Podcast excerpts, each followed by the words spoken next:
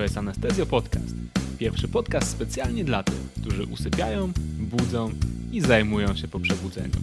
Mam na imię Staszek i zapraszam Was na kilkanaście minut wspólnej nauki. Cześć, z tej strony Mikołaj Dyrda z SKN Anestezjologii Intensywnej Terapii. Trochę w zastępcy Staszka, ale jestem na konferencji Anestezjologia Ból w Poznaniu.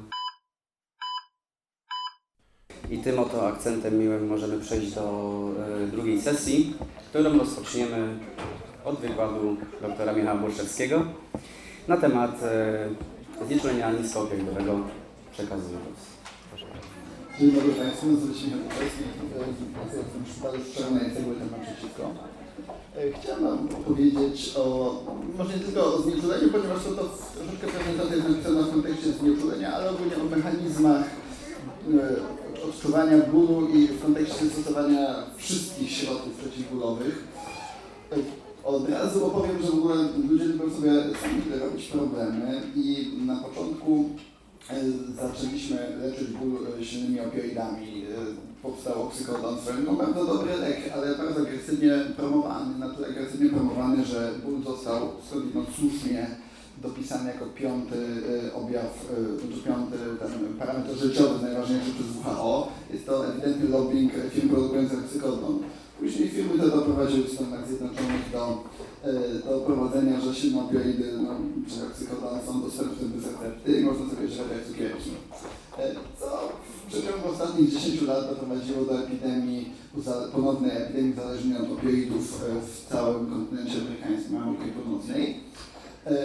I troszeczkę na fali tego, i na fali jakby powrotu do fizjologii, e, zaczęto odkrywać, że mm, można inaczej prowadzić chorych bólowych niż lecząc ich tylko opioidami. Absolutnie nie mówię, że opioidy to są złe leki, ale są to leki, które mają określone miejsce w e, całej farmakopei i nie są jakby jedynymi najważniejszymi lekami w kontekście bólu. E, Tutaj to zdjęcie, prezentacja też była kiedyś pokazywana studentom, e, naukowym, prezydentom, także e, puenta tego zdjęcia jest taka, że sami sobie tym nie zaszkodzicie. Bibliografię tam głównie opierałem się na badaniach i dokumentacji z Belgii, ponieważ tam jest jakby taki kilka centrów bardzo aktywnie promujących e, działania niskoopioidowe i wręcz bezopioidowe. Zacznijmy może od znieczulenia ogólnego. Jesteście w dużej mierze zainteresowani anestezjologią.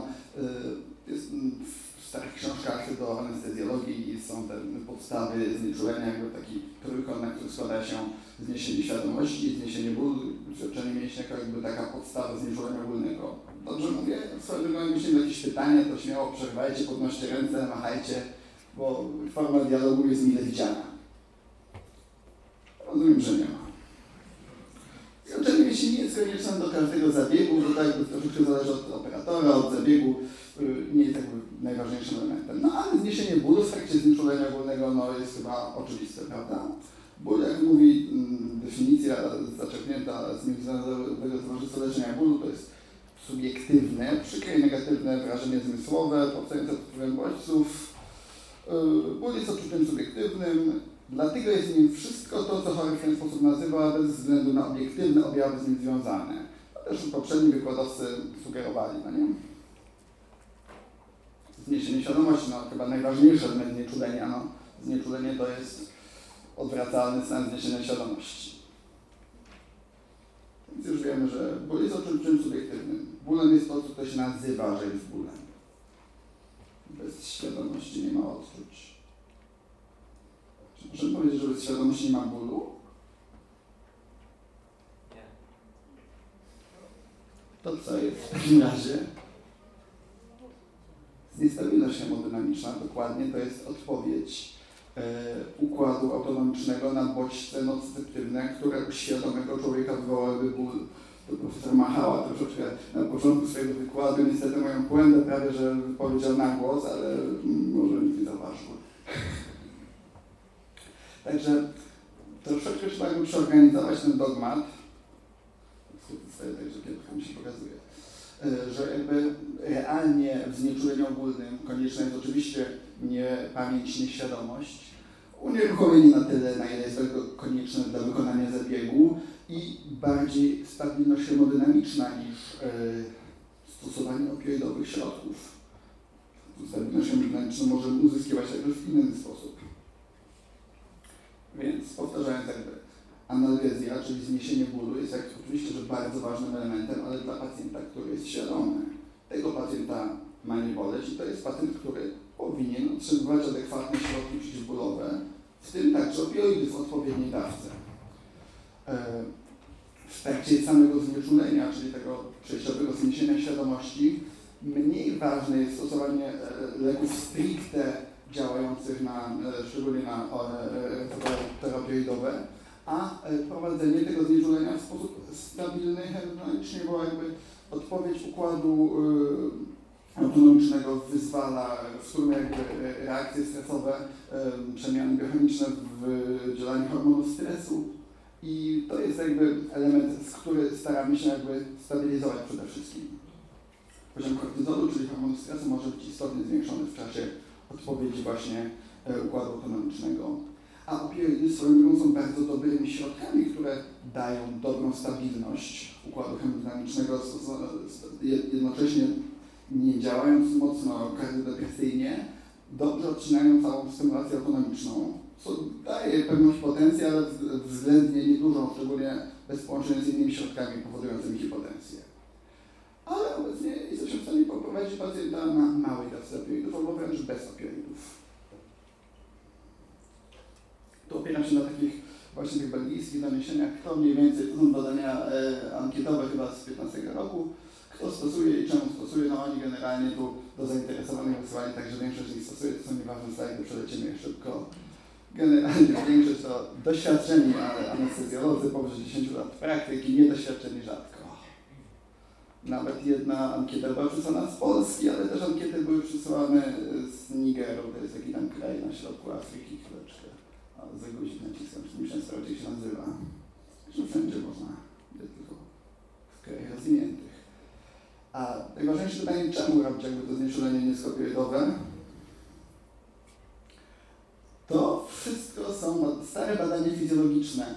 One są troszeczkę, zwłaszcza ten pierwszy slajd jest wręcz e, dość, e, myślę, że przejaskrawiony, bo wynika z niego, zauważcie, że to jest jakby porównanie mm, tolerancji, mm, szybkości narastania tolerancji na morfinę w ósmej godzinie prowadzonego badania morfina działała porównywalnie skutecznie do soli fizjologicznej. Czy to znaczy, że mamy komuś przeciwbólowo dawać sól fizjologiczną zamiast morfiny? Drugie badanie jest e, o remifentanelu, który bardzo dobrze też generuje oporność na opioidy. I tu wprowadzamy pierwszy ważny termin, czyli hiperalgezja poopioidowa. Opioidy wywołują, e, no wrócimy do wcześniejszego slajdu, opioidy wywołują tolerancję. To na pewno wiecie, to, to uczono farmako, jak żeby nazwa nie istotne, farmakologii, no właściwie historii farmakologii w tej, na tej uczelni.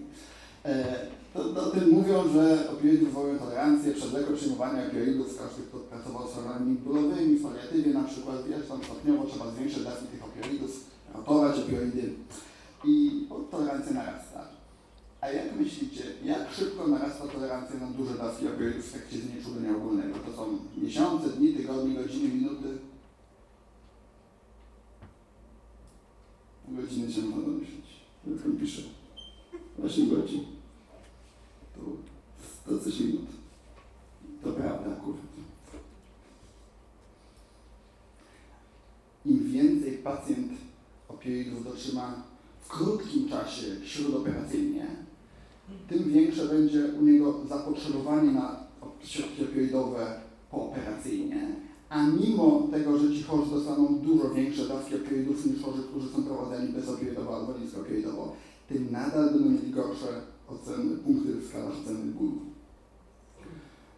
Żeby to jeszcze dodatkowo z punktu widzenia anestezjologa zamotać, pacjenci na takim standardowym, wysokoopioidowym znieczuleniu, które średnio wysokim, takim standardowym znieczuleniu, jak to się zwykle robi, czyli tam 0 fluoran, 200 propofolu, 5 fentanylu. Ładnie się prowadzi taki pacjent. E, I oni się, znaczy prowadzi się ładniej i łatwiej niż ten prowadzony niskopioidowo. Budzi się szybko, jak to się robi dobrze, w komforcie bólowym. W komforcie bólowym pozostaje także na soli podzięczuleniowej. Wyjeżdża i nie jesteśmy z siebie zadowoleni, ale nie jesteśmy świadomi tego, że ci chorzy mają istotną hiperalgazję przez kolejne 4 dni. Większe zużycie opioidów to się też przekłada na dłuższy czas pobytu w szpitalu, na efekty uboczne opioidów, o których się nie pamięta, prozaiczne jak zaparcia, ale które wydłużają czas pobytu w szpitalu, opóźnioną mobilizację, hipotensję, czyli chory generalnie leży w łóżku zamiast stać i y, wracać do zdrowia. Hiperalgezja i tolerancja na opioidy jest najbardziej nasilona po krótko działających opioidach. A to może wymyślicie czemu? Czemu nie po długo działających? Bo krótko działające, nie boimy się krótko działających leków, nie? Wszyscy chcemy mieć leki, które są sterowne, czyli krótko działające. A czemu? Bo możemy ich dać dużo i czujemy się bezpiecznie. Daliśmy dużo, chorego nie boli. A że daliśmy dużo krótko działającego leku, to może znaczyć, że mamy bardzo dobrą to też na kolejnym slajdzie. O. Że generalnie mamy bardzo dobrą jakby zablokowanie receptora opioidowego. Uruchamiają się jakby negatywne drogi e, działania. O, to znak. E, I chory ma mocno nasycony receptor opioidowy i bardzo szybko narasta na niego na początku tolerancja. Tolerancja na opioidy to jest już prosty mechanizm receptorowy, czyli po prostu zmniejszenie liczby receptorów, zmniejszenie aktywności, zmniejszenie jakby aktywności ich szlaków, ale prowadzi ona też do hiperalgezji poopioidowej, w której jakby odgrywają rolę głównie receptory NMDA, bo one będą dla nas istotne, bo na, na nie łatwo nam się względem działa, bo mamy leki działające na te receptory. A no tam prowadzą do szeregu niekorzystnych rzeczy, przeczulicy, nieadekwatnych jakby mm, reakcji na bodziec, który normalnie nie wywołuje bólu i zwiększonego zapotrzebowania na środki przeciwbólowe. Tam też pisze, że, że tam receptory NMDA działają wprost proporcjonalnie tak naprawdę dodatki opioidu. Mm. Kolejnym pytaniem jakby samej hiperalgezji, bo z jednej strony przy opioidach które działają dość krótko, możemy mówić o szybko narastającej tolerancji, ale trzeba też jakby sobie analizować, czy nie ma też jakby efektu odstawienia jakby y, negatywnych zespołów, tak naprawdę odstawionych po opioidach, bo jeżeli mamy z jednej strony wytworzoną tolerancję w dół z hiperalgezji, to może oprócz tego, przy części jakby wybranych chorych, jakby samą, yy, sam zespół odstawienny też może mieć znaczenie. Tak jak po nikotynie na przykład też taki wdzięczny slajd, który mówi oczywiście, że e, zużycie morfiny jest wielokrotnie większe u chorych e, na znieczuleniach opioidowych, że tak naprawdę wszystkie e, w tym punkcie wygodne dla chorego rzeczy, czyli mniej ludności wymiotów, mniej drżeń po znieczuleniu, mniejsze zapotrzebowanie, lepsze punktacje w skali bólu, wszystko to jest lepsze w znieczuleniach bezopioidowych niż opioidowych i przede wszystkim też szybsza mobilizacja chorego. Parę słów o fentanylu, bo to jest jakby, profesor Machała nie powiedział nic, ale fajny lek, wspaniała farmakokinetyka, wspaniała farmakodynamika. E, ale są bardzo dużo, jako że remifentanil jest świetnym środkiem, jako, który wywołuje hiperalgezję, e, jest dużo jakby prac mówiących o nim. One są powiedzmy, że umiarkowanie wiarygodne, bo w metanalizie, którą na końcu powiem o niej trochę gorzej to wychodzi, ale wciąż jakby y, dla kumulacyjnej dawki y, około 50 mikrogramów na kilogram, czyli to jest tak naprawdę w przeliczeniu powyżej około 2-3 mg remifentanylu, to w czasie dłuższego znieczulenia nie jest problem, jak się prowadzi chorych głęboko, y, do, osiągnąć takie dawki do zwykłych zabiegów. Wiadomo, że porównując wyższe i niższe dawki remifentanylu wychodzi, że chorzy których bardziej boli po tych wyższych dawkach jak przeciwbólowych, no, to mam 10 minut, 14 minut, o, bo wyjdzie. Dobra, e, to przyspieszając, e, mamy e, w metaanalizie rzeczywiście udowodniono, że są bardziej nasilone dolegliwości bólowe po wyższych dawkach fentanylu, może wytwarzać się hiperalgezja i której można zapobiegać przez, przy podaniu propoforu. To były jedyne wnioski. To też, żeby już było szybciej.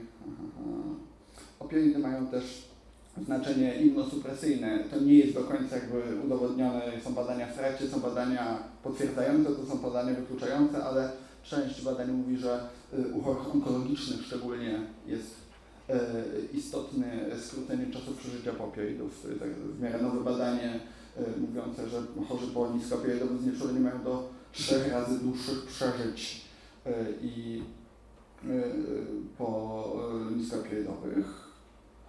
To jeszcze szybko, 5 minut powiem o wskazaniach, jak to zrobić. Wskazania, to już to sobie zaznaczyliśmy, czyli wskazania. Otyłość bezdesennych, którzy, czyli chorzy, e, u których e, jest większe ryzyko kumulacji opioidów i wszystko, co zmniejszy to, jest dla nas zaletą. Astma PHB, czyli nie chcemy e, manipulować lekami zmieniającymi napęd oddechowy u chorych, którzy mają już potencjalnie zagrożony ten napęd oddechowy. Uzależnienie od opioidów, to pani doktor z paliatywu mówiła o pacjenta, pacjencie na metadonie, no, takiego chorego, y, który przewlekle przyjmuje opioidy, zrobienie typowego opioidowego znieczulenia to jest wrzucenie go od razu na stopień wyżej jego y, tolerancji na opioidy i y, zwiększenie jakby zapotrzebowania na opioidowe leki później, czyli generowanie kolejnych problemów.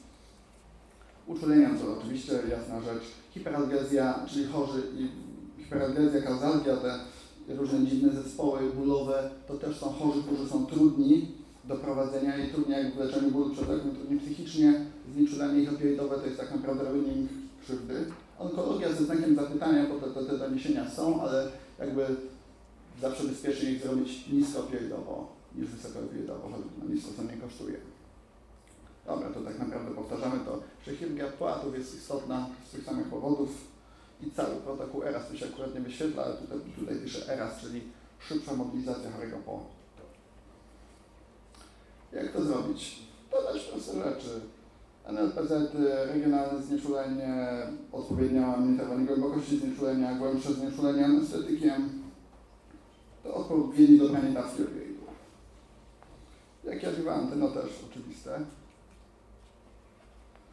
Ketamina, bardzo ciekawy lek, istotnie zmniejsza hiperalgezję popioidową przez to, że blokuje receptor NMDA. Tutaj mamy przykład, tutaj jest y, spadek, znaczy wzrost wrażliwości po y, użyciu amifentanylu. To samo plus ketamina mamy tutaj latolinię ciągłą. Podobnie działa siarcza magnezu, też zblokowanie receptorów NMDA lidokainę, który jest lekiem, który jest tani, łatwy, bezpieczny, bez e, realnie efektów ubocznych. Jak najłatwiej zrobić sobie znieczulenie niskopioidowe? Można zastosować teksmetamidynę, żeby jakby zablokować wstępnie odpowiedź współczulną. Lidokaina, która jest, znaczy teksmetamindyna dopiero wchodzi, zaczyna być bardziej taniej dostępna. Lidokaina, którą zawsze można, indukcja, propofol, magnes, to wszystko jest świadczenie, jeżeli jest potrzebne. Leki przeciwzapalne, ketamina w nie tak dużej dawce, generalnie ketamina też jest lekiem, który w im mniejszych dawkach jest podawany, tym lepiej działa. I generalnie leki bazoaktywne, które mają na celu utrzymanie stabilności krążeniowej. Podtrzymanie jeszcze możemy oczywiście zrobić większą rzecz w wcześniej, plus dołożyć paracetamol metamizol. Hemodynamiczna stabilność każdy z tych leków ma jakiś inny wpływ w sumie to oczywiście jak w czasie każdego znieczulenia ci pacjenci są zwykle lekko hipotensyjni, ale to nie jest wielki problem ich utrzymać jakoś w miarę stabilnie. Ale to przylecimy, przylecimy. Pielęgniarki to lubią, nie, nie wierzcie w to, pielęgniarki nie lubią nic nowego. E, realne przeszkody do wprowadzenia bezopioidowych znieczuleń. To są wszystko nowe rzeczy, więc jest mało publikacji. Publikacje są nie do końca jakby obiektywne, więc nie ma wytycznych jasnych. Nie bardzo jest się gdzie szkolić, to rozpoznanie boją się robi samemu. Nie do końca udowodnione jakby odległe wyniki, bo skoro robimy coś krótko, to nie bardzo znamy odległe wyniki tego. Mało danych, yy, brak świadomości, drogie, wszystko to jest drogie od centralnej stani. Yy, większość tych rzeczy jest off-label. I więcej pracy, zdecydowanie więcej pracy nad znieczuleniem i się niestety trzeba poświęcić. Dobra, cała reszta są głupoty, się spieszy. E, sny. Po niskopioidowym znieczuleniu, e, czyli po znieczuleniu, gdzie dają tą straszną ketaminę, które się wszyscy boją na salach operacyjnych, jest mniej złych snów niż po wysokoopioidowym znieczuleniu, to już dzisiaj było mówione. Opioidy wywołują nieprzyjemne sny, opioidy wywołują problemy ze snem, koszmary senne, częściej niż ketamina. Warto o tym pamiętać. Gabapentinoidy, bardzo ciekawa grupa, już też nie będę się rozwodził, ale y, gabapentinoidy, które szczególnie w przewlekłym leczeniu bólu bardzo znacznie zmniejszają zapotrzebowanie chorych na ból.